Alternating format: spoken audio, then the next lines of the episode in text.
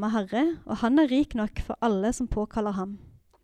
Hver den som påkaller Herrens navn, skal bli frelst. Men hvordan kan de påkalle en de ikke tror på? Hvordan kan de tro på en de ikke har hørt om? Og hvordan kan de høre uten at noen forkynner? Og hvordan kan de forkynne hvis de ikke er utsendt? Det står jo skrevet. Hvor vakre de er, føttene til dem som bringer godt budskap. Men ikke alle var lydige mot evangeliet. Jesaja sier, 'Herre, hvem trodde vårt budskap?' Så kommer da troen av det budskapet en hører, og budskapet kommer av Kristi ord.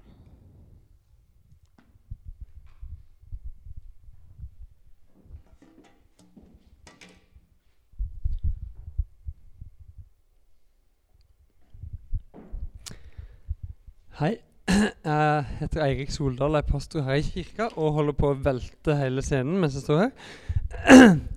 Som dere hører, er jeg litt forkjøla. Eh, jeg håper stemmen bærer gjennom alt jeg har å dele med dere i dag. Men vi begynner her. Herre, hvem trodde vårt budskap? De ordene her sa altså Jesaja, profeten, og så stilte Paulus spørsmålet på nytt i sin tid. Hvem trodde vårt budskap? Og vi som sitter her nå, kan gjerne stille det spørsmålet igjen. Hvem trodde vårt budskap? I begynnelsen av omtrent hvert eneste år eh, så dukker det opp en bønn i meg. Og jeg ber sånn her. Gud, kan, kan vi få lov til å se noen nye komme til tro på det? Kan vi få lov til å se noen nye komme til tro på Jesus i løpet av dette året. Og jeg ber, men det er ikke så ofte jeg ser det skje. Ja, jeg tror kanskje jeg kan telle på én hånd hvor mange jeg har sett komme til tro på Jesus i min voksne tid. Men jeg Ja, det er demotiverende, men, men jeg lengter likevel etter å se det. Å se at folk kommer til tro. Lengter du etter det? En sånn her lengsel, bare større og sterkere, var det som drev apostelen Paulus til å reise rundt og forkynne evangeliet til alle som ville høre. Det var en flamme som ble tent i han da han sjøl møtte Jesus, da han fikk livet sitt snudd på hodet. Så alt han gjorde etter det, handla egentlig bare om å dele troa videre. Og Paulus han, han jobba hardt. Han fasta, han ba, han forkynte evangeliet på torgene i synagogene. Han var rundt omkring i hele Romerike. Han planta menigheter i byer rundt Middelhavet. Han jobba på og jobba på. Etter hvert så bestemte han seg for at han skulle dra langt. Han skulle dra helt til Spania for å forkynne der. Og på vei dit så måtte han først besøke menigheten i Roma, som lå på veien. Og vi har hørt et utdrag fra det brevet han skriver til de før den reisen han planlegger dit, som ikke ble akkurat sånn som han hadde tenkt, men det er en annen historie. Ha, har du lest dette brevet? Paulus sitt brev til romerne? Jeg anbefaler deg å gjøre det. Ikke bare én gang, men flere ganger. For, for det her er en av de grundigste gjennomgangene du kan finne av det gode budskapet av evangeliet om Jesus, om tro og nåde, rettferdighet og frelse. Og ja, Det Paulus skriver, kan være litt vanskelig å forstå, så se gjerne den videoen jeg har tatt et bilde fra her. Bible Project det finnes nå på norsk. Gir det en god forklaring av teksten og historisk bakgrunn osv. Les romerbrevet og se den brannen som Paulus har. Paulus hadde en lengsel etter at alle folkeslag skulle komme til tro på Jesus. Men han hadde en minst like sterk lengsel etter hans eget folk, jødene. Det er folket som Jesus sjøl kom fra. At de også skulle erkjenne at Jesus var Messias. Og Dette skriver han bl.a. om i romerbrevet til en menighet som besto av både jøder og grekere. Han sier om sitt folk.: Mine søsken, jeg ønsker av hjertet, og jeg ber til Gud om at de må bli frelst. Og et par sider før dette så bruker han enda sterkere ord. Han sier jeg bærer stor sorg i hjertet og plages uavbrutt. Ja, jeg skulle gjerne vært forbanna og skilt fra Kristus om det bare kunne være til hjelp for mine søsken, som er av samme folk som jeg. Altså, dette er en sterk lengsel. Dette er en brennende flamme. Og kanskje, kanskje brenner en lignende flamme, stor eller liten, inni deg. En lengsel etter at mennesker som du bryr deg om, skal finne veien til Jesus og tro på han. Kanskje har du hatt en sånn lengsel tidligere, i perioder. At du i noen faser av livet har hatt en sånn brann som, som drev deg framover, som gjorde deg modig, som fikk deg til å be for vennene dine, invitere dem til kirka og prøve så godt du kunne å vise dem hvem Jesus er. Og kanskje har du opplevd litt sånn som meg, at den flammen etter hvert har blitt litt kvelt. For du blir sliten av å prøve igjen og igjen og igjen uten å se noe særlig resultater. Eller du glemmer det litt bort, for du er opptatt av så mange andre ting. Eller kanskje begynner du til og med å tvile litt på om det gode budskapet egentlig er så godt. Om det er så nødvendig å dele det med andre. For du ser vennene dine som ikke kjenner Jesus. Og det ser ut som de klarer seg sånn helt ok sånn som det er, gjør det ikke det? Og i alt det her så så kanskje opplever du det at det bare er en liten glød igjen av det som en gang var en brennende flamme. Men en glød, det er ikke ingenting. Jeg vet ikke åssen det er med deg, men jeg, jeg, jeg, håper jo at mange her inne har i alle fall et ønske om at mennesker skal komme til tro på Jesus. Et sånt ønske en sånn glød, en sånn flamme, er det som driver Misjonskirka Norge for tida. Og egentlig har drevet oss alltid. Det ligger jo i navnet. Misjonskirka. Ikke sant? Vi skal ut, vi skal dele. Eh, og i februar så skal vi ha en undervisningsserie med tema tro, sende og plante. Dette her er tre satsingsområder som Misjonskirka har satt for tida framover mot 2030, er det vel. Disse tre ordene skal få prege våre menigheter. De ca. 80 kirkene som er en del av Misjonskirka Norge. Og formulert som setninger så ser de sånn her ut. Vi vil lede mennesker til tro på Jesus. Vi vil sende ut flere medarbeidere, og vi vil plante nye menigheter. Som dere har hørt, så er det en gjeng som har vært her i kirka denne helga og fasta og bedt om at det her skal skje. Og det har vi gjort i misjonskirker over hele landet. Og undervisningsserien framover skal altså handle om disse tre ordene, disse satsingsområdene, og hvordan det kan se ut lokalt og i våre liv. Og hei, Dropbox svarer ikke. Manuset mitt forsvinner. Det er jo en god ting.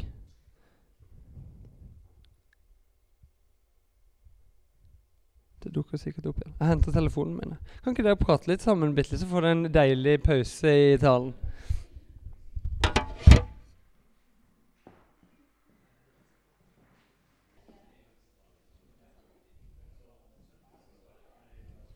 Ok, da har vi Det var kaffepause nummer to for gudstjenesten. Um, I dag skal altså undervisningen handle om dette. At vi vil lede mennesker til tro på Jesus. Og kanskje kan du kjenne at ja, det vil jeg også. I undervisninga skal vi se nærmere på Paulus sitt brev til romerne. Og vi skal stille dette spørsmålet til teksten. Hvorfor? Hvorfor skal vi lede mennesker til tro på Jesus? Altså, hva er motivasjonen vår til dette?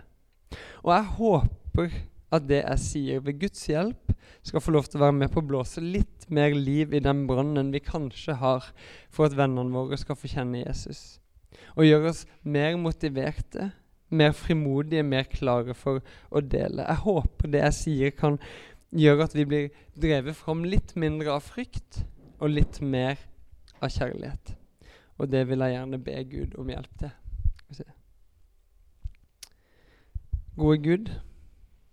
Jeg ber deg om at din ånd skal puste liv i den gløden som fins i vårt indre. Jeg ber om at du får flammen vår til å brenne. Jeg ber om at du skal gi oss en stor, stor glede og begeistring over vår egen frelse, at vi bare ikke klarer å la være å dele. Og så ber jeg igjen. Gode Gud, kan vi få lov til å se noen nye mennesker komme til tro på Jesus i løpet av dette her året? Jeg ber for det jeg skal si, for det ordet jeg skal dele, og jeg ber om at hvis det er noe som ikke er fra deg, at det skal falle bort. I Jesu navn. Amen. Er det så viktig, da? Er det så nøye å dele troa videre? Ja, det er det. Eller Paulus vil iallfall si det. Jeg vil si det. Paulus skriver jo om dette i romerbrevet, og vi har hørt et utdrag i dag, og der er det primært to ord han bruker i dette lille avsnittet her for å si hvorfor det er viktig å tro på Jesus. Han skriver hvis du med din munn bekjenner at Jesus er Herre, og i ditt hjerte tror at han har oppreist ham fra de døde, da skal du bli frelst. Med hjertet tror vi så vi blir rettferdige, og med munnen bekjenner vi så vi blir frelst. Første ordet, det vi oppnår ved å tro, er å bli rettferdige.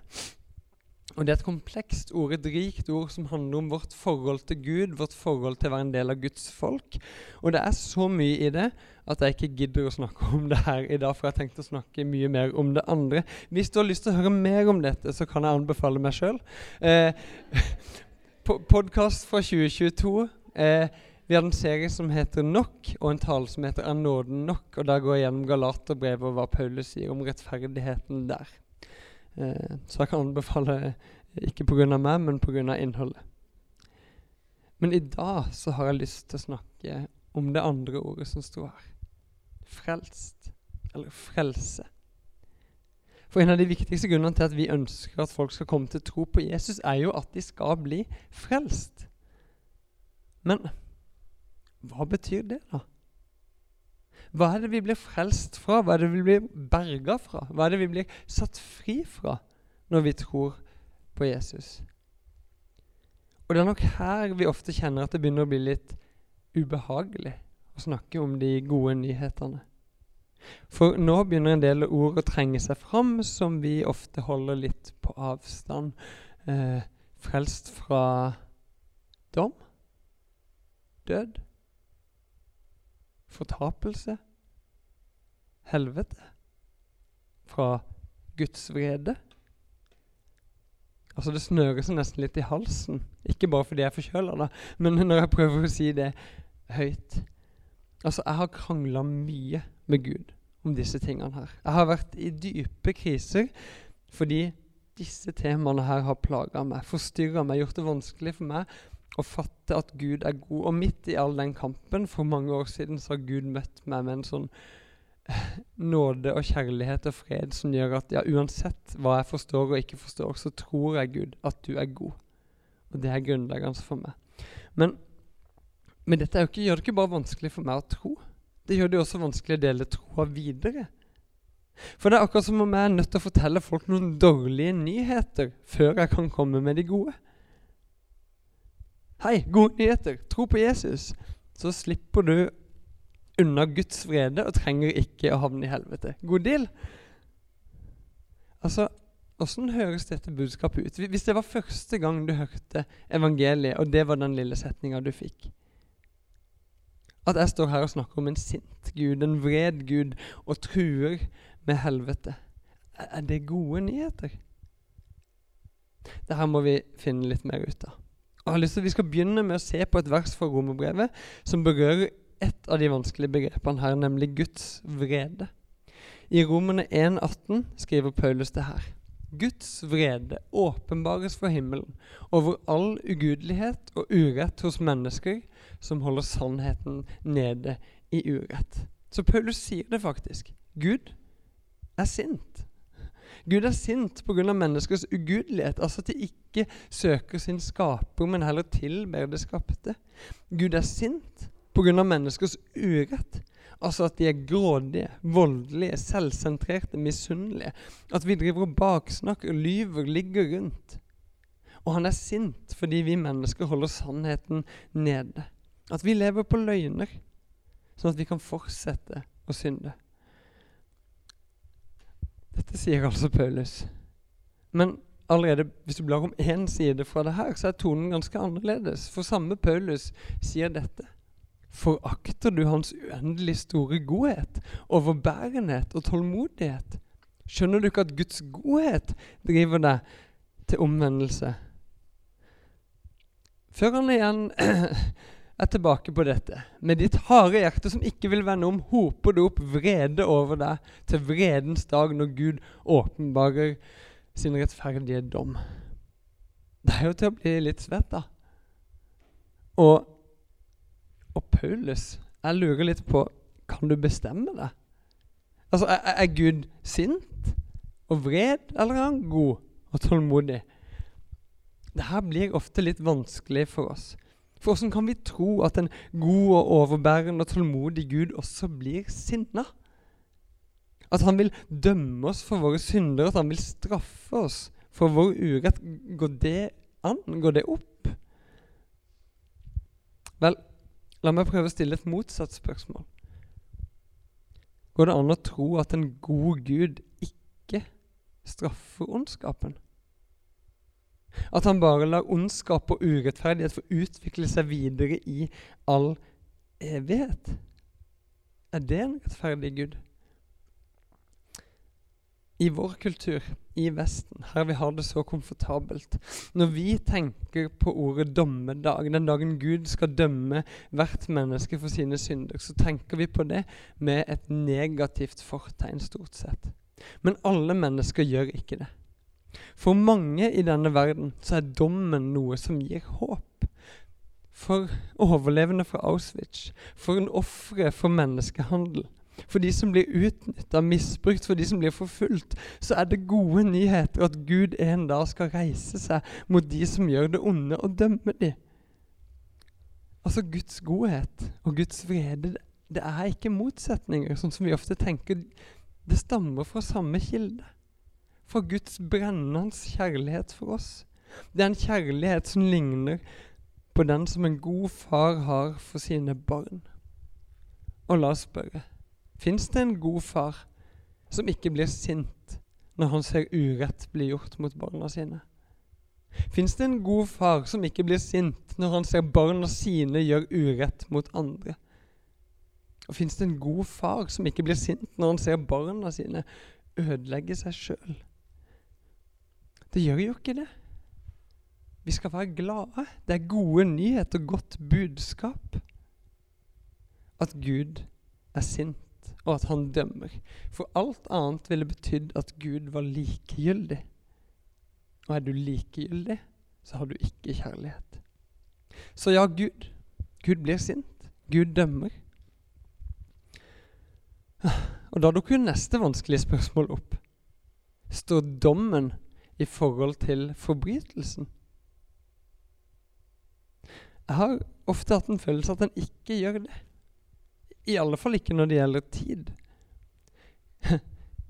Jesus forteller en gang om livets utgang for de rettferdige og de urettferdige. Og han sier at de urettferdige skal gå bort til evig straff, men de rettferdige til evig liv.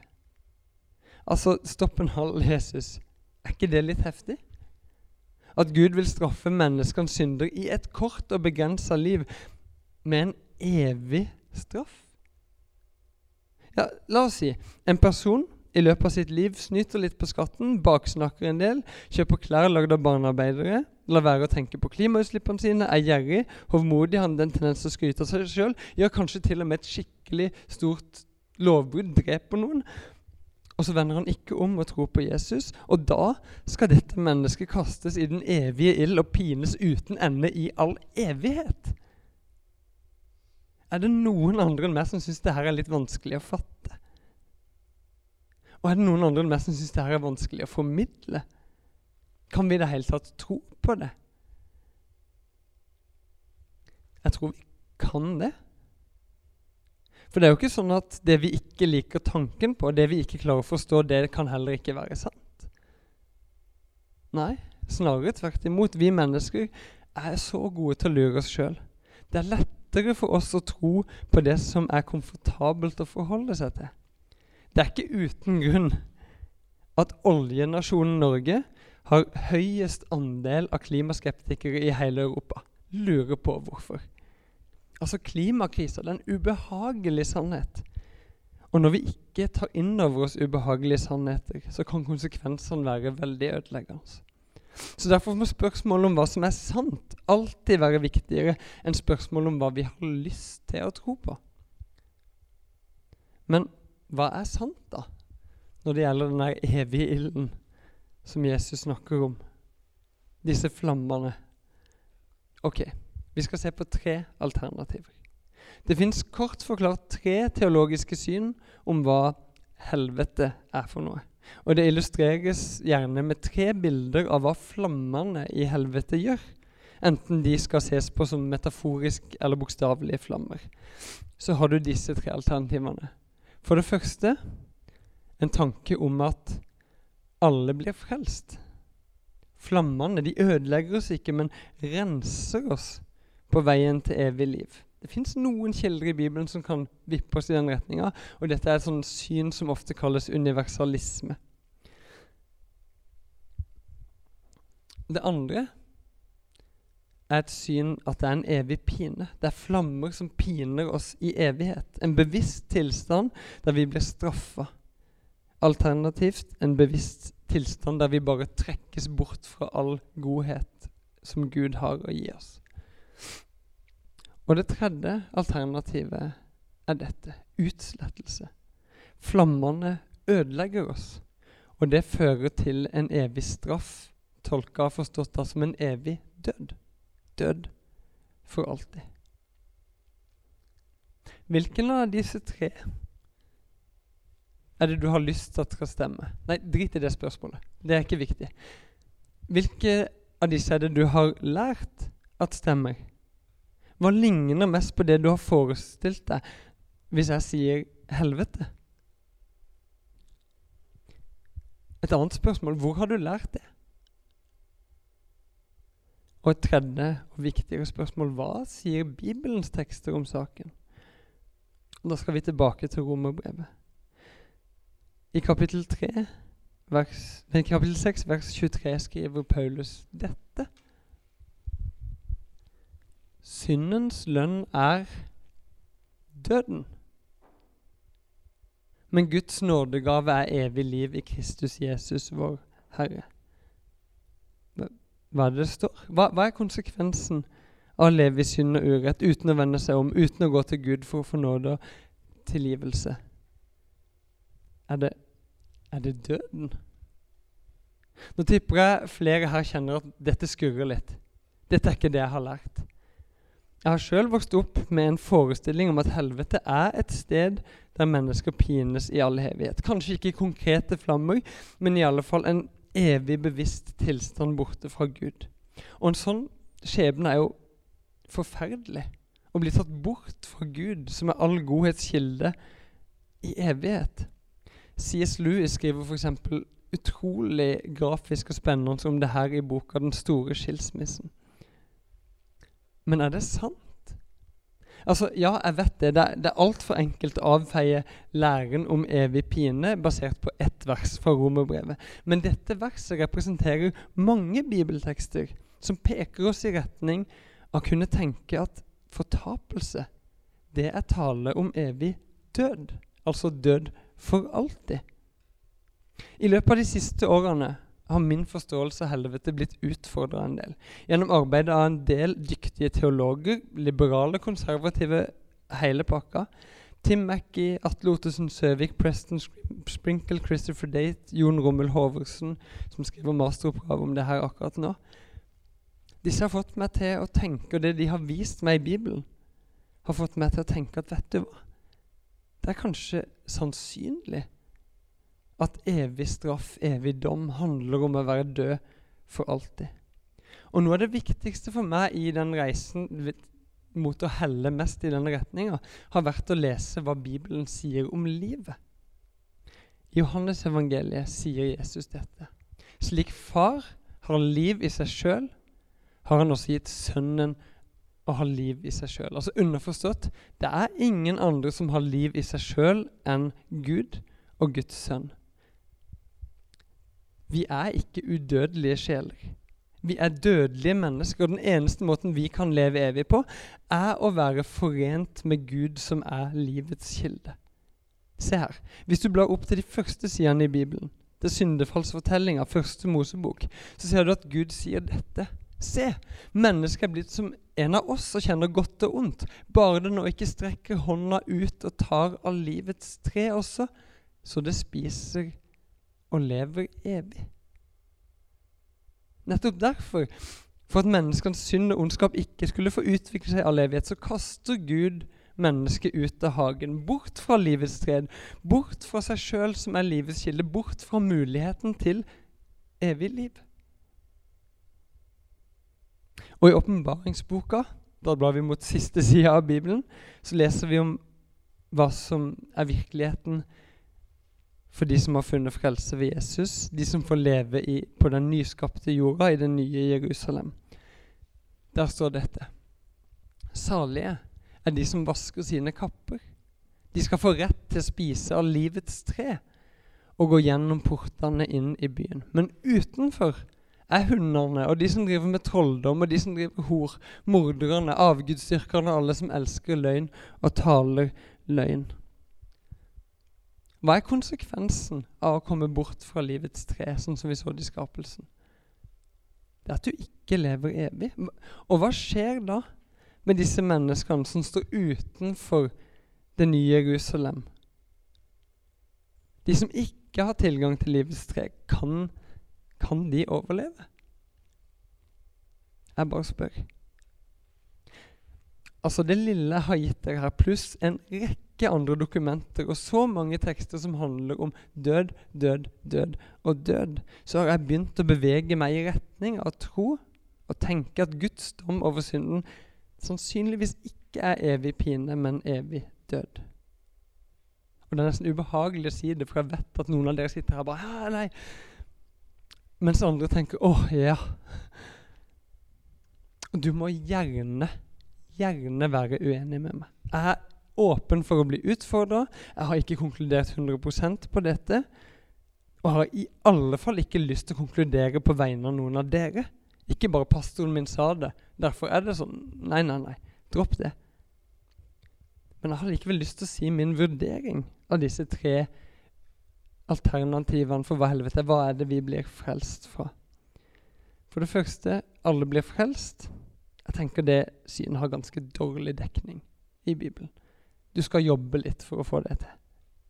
Og her har jeg lyst til å skyte inn at Misjonskirka Norge sitt trosgrunnlag der er vi ganske tydelige på at det finnes to utganger av livet. Ikke alle blir frelst. Det finnes en fortapelse som skiller Nei, som troa på Jesus frelser oss fra. Men hva fortapelsen er, er ikke like, er ikke like tydelig i de tekstene. Og da står vi igjen med de to neste alternativene. Jeg tenker at synet om at helvete er for evig pine, det er en mulig tolkning av bibeltekstene. Det er nok den vanligste tolkninga i kirkehistorien, og sannsynligvis også i Misjonskirka Norge. Men likevel, jo mer jeg leser, jo mer tenker jeg at synet om utsettelse er den mest overbevisende tolkninga av summen av bibeltekster. Selv om den også har sine utfordringer. Du har sikkert kommet på ting å spørre om underveis allerede. Ja, men tenk på den. Hva med den teksten? Men dette er altså det jeg tenker. Det er dit jeg heller nå. Og jeg håper at du også har lyst til å tenke godt gjennom dette sjøl. Helst med en åpen bibel, for dette er viktige spørsmål. Det påvirker oss så mye i vår relasjon til Gud og i hvordan vi deler troa videre. Og Hvis du har lyst til å se nærmere på de ulike synene, så tror jeg det kan være en god idé å sjekke ut denne boka. Four Views of Hell, second edition. Det er en, nummer én som ikke er like god, visstnok. Her er det fire teologer som presenterer hvert sitt syn. Og så får alle de andre respondere på det synet etterpå. Og teologen som er redaktør for det, Preston Sprinkle, en jeg har veldig veldig tiltro til. Jeg har ennå ikke lest den, men han står på lista. Hvis du har lyst til å undersøke nærmere det synet jeg har presentert her i dag, som det jeg mener er mest overbevisende, så anbefaler jeg denne nettsida her. Snakk om god webdesign, altså. Eh, jeg må si det, De er utrolig mye bedre på teologi og logisk argumentasjon enn de er på design og estetikk. Det er, Men altså, de som har lagd det her, de har et mye mer bokstavtro og konservativt bibelsyn enn meg. Men de representerer og presenterer en ryddig og god gjennomgang av argumenter og motargumenter for at fortapelse handler om utsettelse og evig død. At flammene i helvete ja, kanskje piner deg, men til syvende og sist dreper deg. Så ja, kanskje. Kanskje kan det stemme. At dette er bokstavelig. Syndens lønn er døden. Men Guds nådegave er evig liv i Kristus Jesus, vår Herre. Vi tror jo det siste er bokstavelig. Kanskje det er døden Jesus vil frelse oss fra. Å ja, det kan hende at jeg tar feil. Det kan hende at andre teologer som heller mot denne konklusjonen, tar feil. At vi bare fristes til å tro på det vi vil at vi skal være sant, fordi vi ikke orker å forholde oss til det som er mest ubehagelig.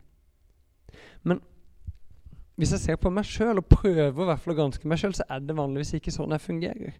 Jeg har en tendens til å havne på konservativ side i teologiske spørsmål så lenge jeg føler meg usikker. Og for meg handler dette om en sunn gudsfrykt. Det handler om å ha en holdning der jeg innser at Gud sine tanker er større enn mine.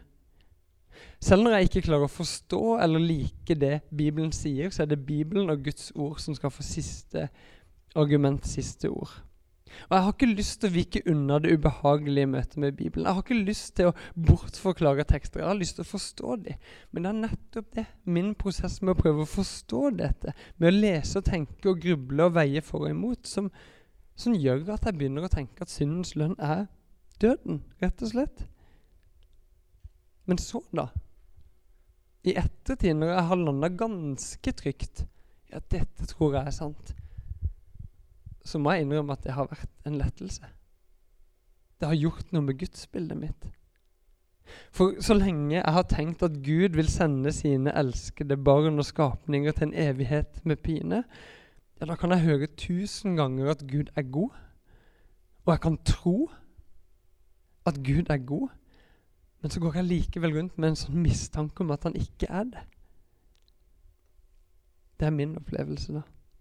Men hvis det er sånn da at Gud straffer synd og urett med døden, ja, da er han streng. Men det er lettere for meg å se han som god og rettferdig. Han kan fortsatt være rettferdig med det synet om evig pine, men det er lettere for meg å forstå i det, og det har vært godt for meg. Og der gikk batteriet på den, og så bytter jeg til mobiltelefonen.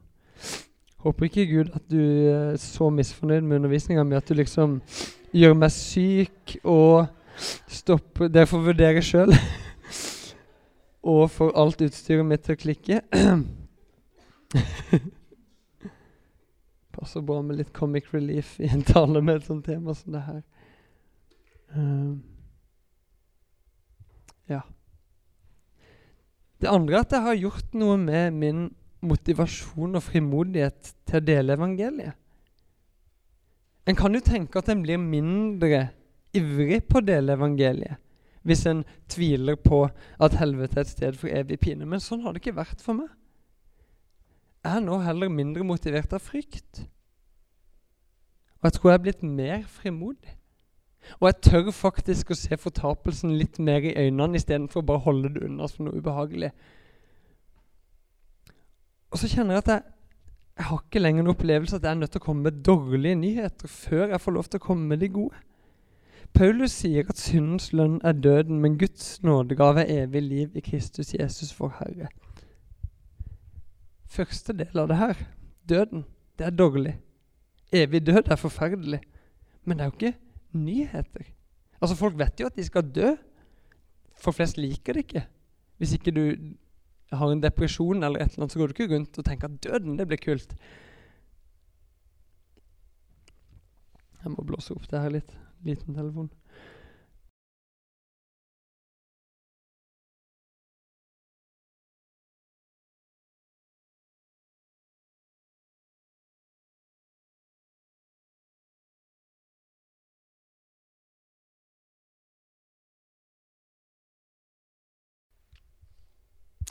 Men jeg får likevel komme med de gode nyhetene. Det fins et håp om evig liv i Kristus Jesus. Og uansett hva du nå tenker og tror om fortapelsen. Uansett hva du tenker om helvete, så tror jeg det siste her er det viktigste. Et evig liv i Jesus Kristus. Et liv som starter her og nå varer inn i evigheten. Det er det mest fantastiske jeg kan tenke meg. Og jeg håper og jeg ber om at Gud må tenne en brann i oss etter å dele de gode nyhetene om det evige livet med Jesus videre. Sånn at flere kan begynne å tro, sånn at flere kan ta del i den frelsen vi har fått. Og det gjør meg vondt, skikkelig vondt, å tenke på alle de som går inn i døden og mister denne muligheten til å stå opp igjen til evig liv.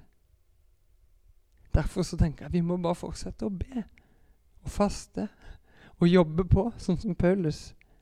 Vi må be om at vennene våre skal bli frelst. Og i går så ramla det inn en eh, Jeg ramla over en bibelleseplan på YouVersion, bibelappen. Jeg har lyst til å gi dette som min utfordring til dere i dag, i tillegg til å gruble gjennom et av verdens vanskeligste spørsmål.